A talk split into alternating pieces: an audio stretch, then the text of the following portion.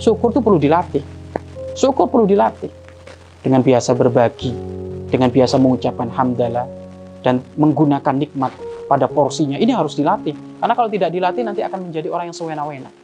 Pemirsa yang dirahmati oleh Allah Subhanahu wa taala, sebelum nikmat ini dicabut oleh Allah, ayo banyak-banyak bersyukur kepada Allah Subhanahu wa taala.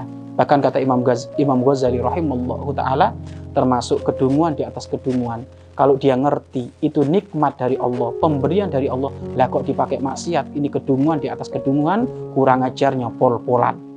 Mobil yang ngasih Allah, eh dipakai maksiat. Harusnya dipakai majelis, dipakai judi, dipakai zina, dipakai mabuk.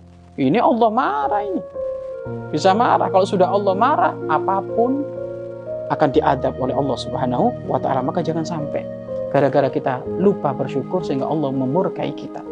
Maka ayo kita banyak-banyak bersyukur pemirsa. Banyak-banyak bersyukur kenikmatan Allah sangat banyak yang sudah diberikan kepada kita. Ayo bersyukur.